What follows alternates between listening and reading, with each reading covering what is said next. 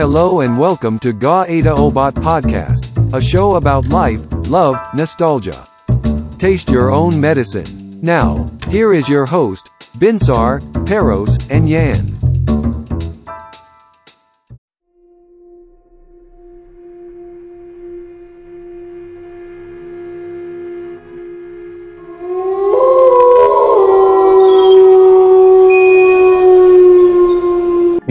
Lagi di Gak Ada Obat Podcast bersama Le Binsar, Le Ian, dan saya Peros. Oke, untuk openingnya kayak gitu boleh lah, boleh, boleh, boleh, boleh. Kok kok kayak gitu kau Ian? Ah, pada bagus lah. Udah mantap lah itu. Udah mantap lah di daerah kejuaraan Udah. lingkungan lo Denda. Kebetulan waktu podcast ini direkam, it, kondisinya malam Jumat. Di luar itu bulannya full, full moon. Mungkin Sailor Moon lagi datang. Bisa jadi, bisa jadi dengan tuxedo bertopeng. Dengan Ya. kekuatan bulan. Goyang mah. Yes, Udah, udah, udah, udah, udah.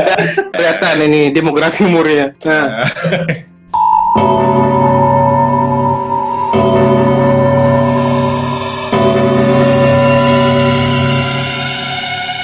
kayaknya malam ini pas banget kalau kita ngobrolin tentang spiritual, klinik, mistik, atau horor.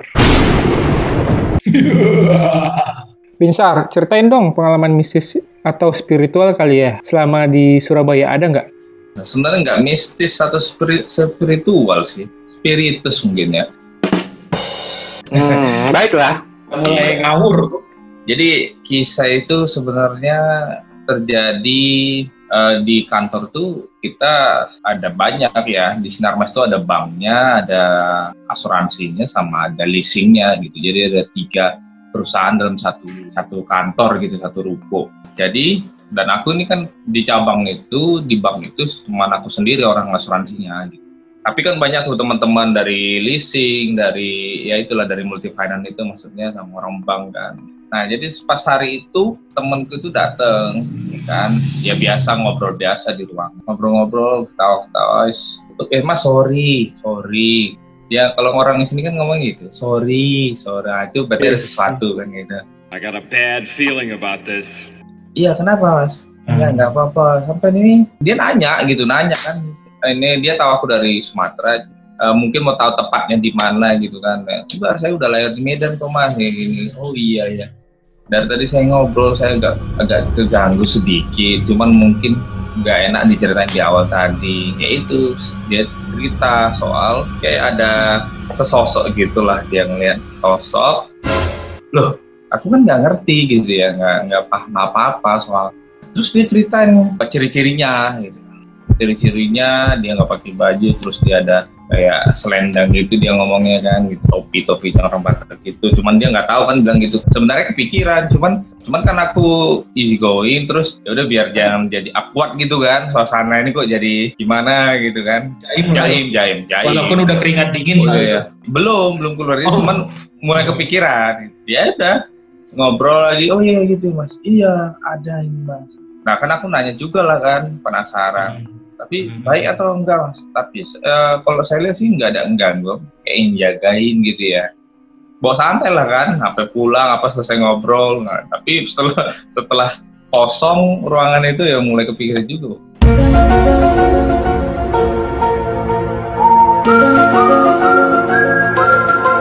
itulah yang Hmm. cerita tentang aku nggak terlalu ini sih cuman memang aku mungkin kurang terlalu ini ya kurang terlalu Peka ya, nggak peka. gituan. iya Bener. udah gitu aja sih jadi sehari-hari berikutnya kalau dia mau ngobrol pasti ada aja yang kukat itu omongan yang lain ya Horor nih orangnya nih, horor, mahor, mahor, manusia horor.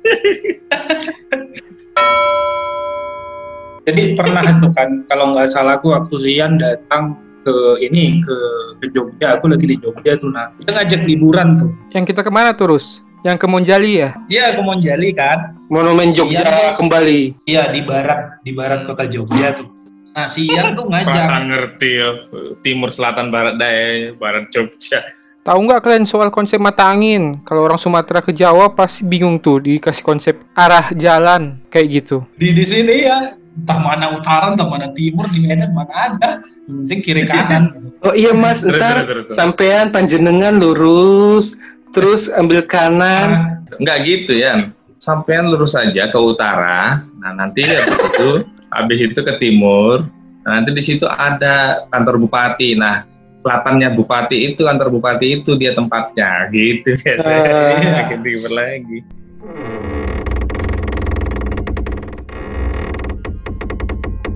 Jadi singkat cerita di, di, di monumen Monjali ada ini rumah hantu gitu kan.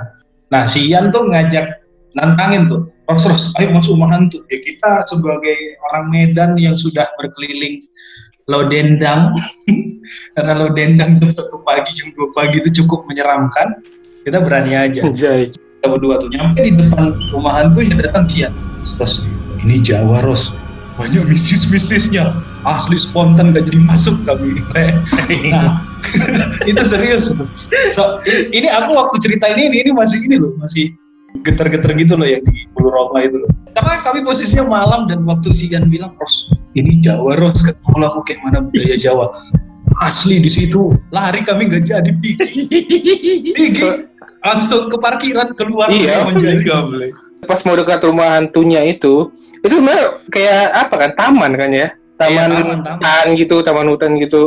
Pokoknya tinggi-tinggi. itu kan maksudnya itu Jumat juga lah. ya, Kayak ya. iya, kayak Jumat dan tiba-tiba aku ciut ciut sendiri. Anjing. Besok paginya kita kan mau ke Merapi, coy. Kita mau ke Merapi. Mistik yang di Merapi pasti yang lebih gimana-gimana lagi ya kan? Jadi gak usah cari-cari masalah dulu deh yang di sini gitu. Serem, Pak. Hmm. Nah, besoknya itu kita mau ke ini loh ke pantai selatan loh kan kita camping di pantai selatan itu di pantai selatan itu juga sampai hampir ketakutan cuma di saat itu ada hal goblok yang bertengkar cara bangun tenda loh Jadi gini, sebelum berangkat ke Jogja itu si Perus nawarin, ntar kalau kita ke pantai kita tendaan aja. Nah, kalau gitu kan aku bisa ngambil asumsi kalau si Peros itu bisa masang tenda. Oke. Eh, nggak tanya dia nggak bisa masang tenda. Terus dia nyuruh aku coba buka YouTube gimana cara masang tenda. Kan bangke ya kan? Kita ini di pantai selatan di ujung-ujung sana, keharapin ada sinyal bagus buat ngeliat YouTube. Semananya? Di mana ada bahaya, di situ ada saya. Sosial kali kalian ya.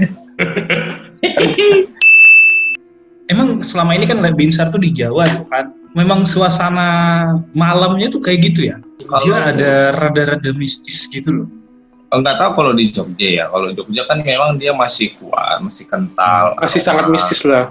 Cuman di sana kan lebih asik kental gitu ya. Eh, adatnya juga masih kuat, terus Hmm. keratonnya juga masih ada kan gitu.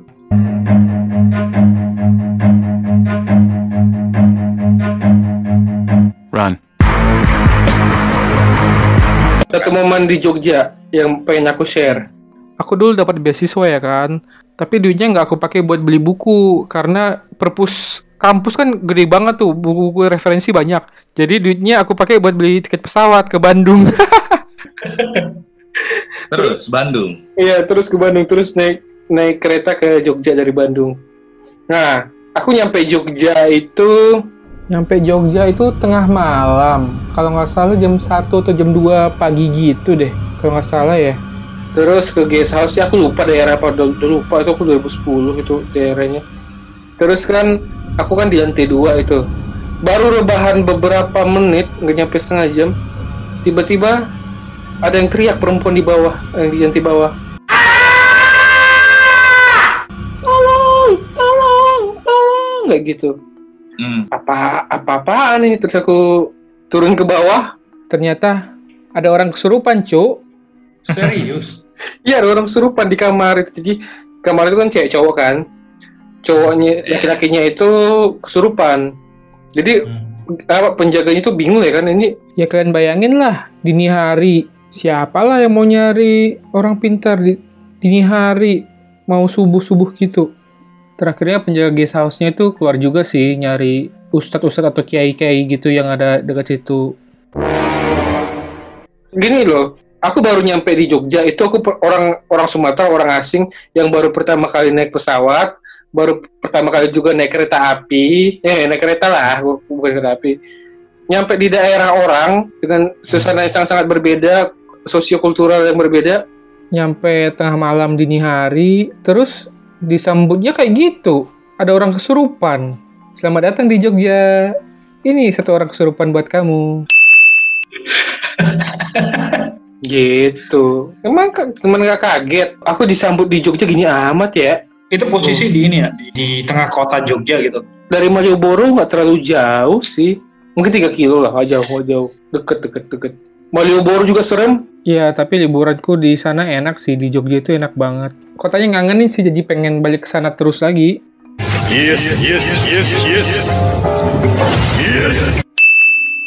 Eh, sebelum kita yang apa backpacking bareng itu, aku itu dulu solo traveling gitu, solo traveling. Ke Pantai Timang itu loh yang paling ujung, yang ada gondola buat kita naik yang ekstrim itu, yang kalau pas naik di situ bikin pantat kita itu gemeteran, ber. Iya, iya. Naik gondola itu. Jadi, Hmm. aku namanya juga kan nggak ngerti lah ya, nggak ngerti. Aku pesan hotel lah, hotel dekat-dekat Malioboro lah ya kan. Jadi aku mesen-mesen di Traveloka lah itu. Tapi podcast ini tidak disponsori oleh Traveloka.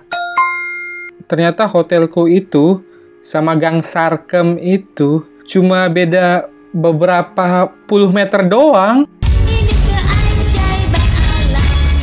Shut the front door. Iya cuma nggak nyampe 50 meter, Wak. Sama Sarkem. Aku tinggal itu jalannya jalan jalan Pasar Kembang. Pasar Kembang, Pasar Kembang, Pasar Kembang, Sarkem. Oh, baiklah gitu. Jadi aku keluarlah malam-malam jam-jam sebelasan gitulah sendirian keliling-keliling. Aku ngeliat kenapa banyak ini sih mbak-mbak ini yang mbak kayak baru apa pakai kayak pakai bedaan bedaan lah. Tapi kok beda ya? Aku disamperin ini. Wah. Eh mas mas main mas ya. Pengalaman ya. Kan kita cuma ngikutin ke mana angin berhembus aja leh. Bukannya kita yang mau yang aneh-aneh. Anak rohisnya kita dulu. Iya, Le. Itu Sesekali benar. memang perlu. Jadi memang cerita horor ini memang nyerempet-nyerempet juga sih memang ya. Jadinya kalau Memang iya. cuma di bioskop aja ya, nyerempet-nyerempet. iya, pasti itu. Pasti itu. Bioskop, bioskop. Nyerempet-nyerempet di kursi A1 dan A2 ya. Yang paling ujung di pojokan. Sampah.